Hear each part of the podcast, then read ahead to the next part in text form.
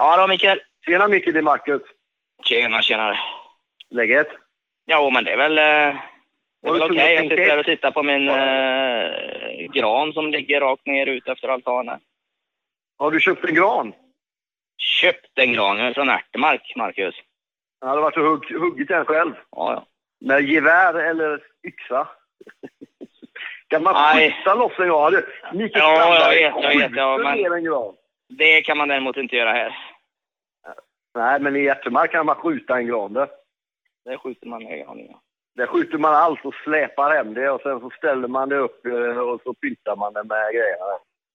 Ja, men eh, det är trevligt ju. Det är julpyntning i veckan nu innan jul då.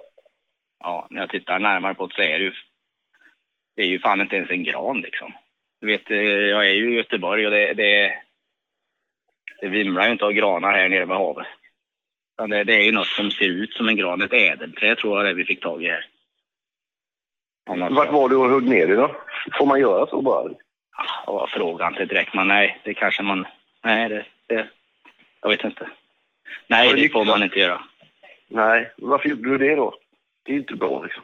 Nej, men jag äger ju ingen skog här. Så.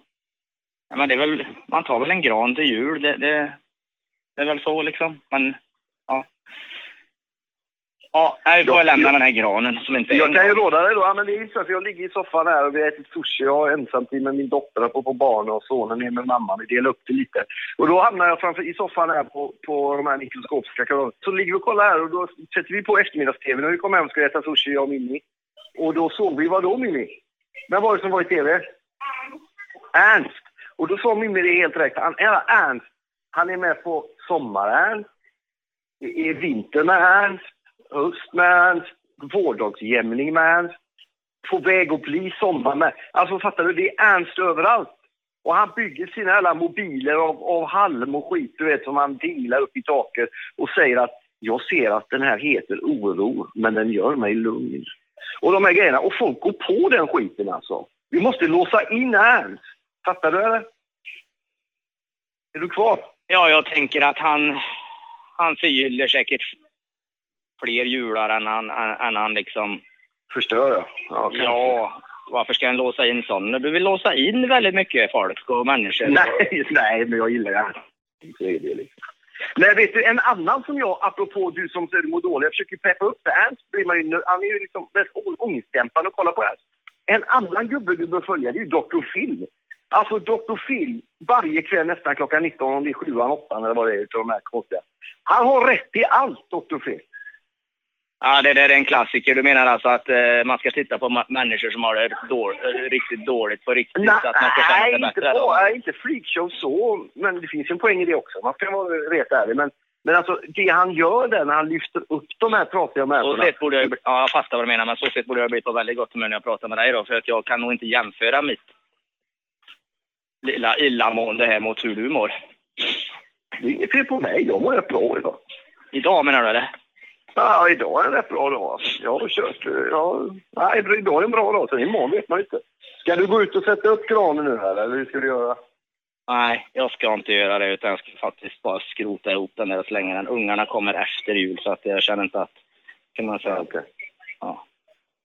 Men det fick man lära sig på Anonyma Alkoholister när man blir nykter att du vet, man är ensam till exempel, man, som du är nu då, eh, även om du antagligen har din fru där om inte annat, men att man ska göra saker för sin egen skull. Det kommer ihåg någon fyller som sa, varför ska jag bädda sängen när jag bor själv? Du ska bädda för din egen skull.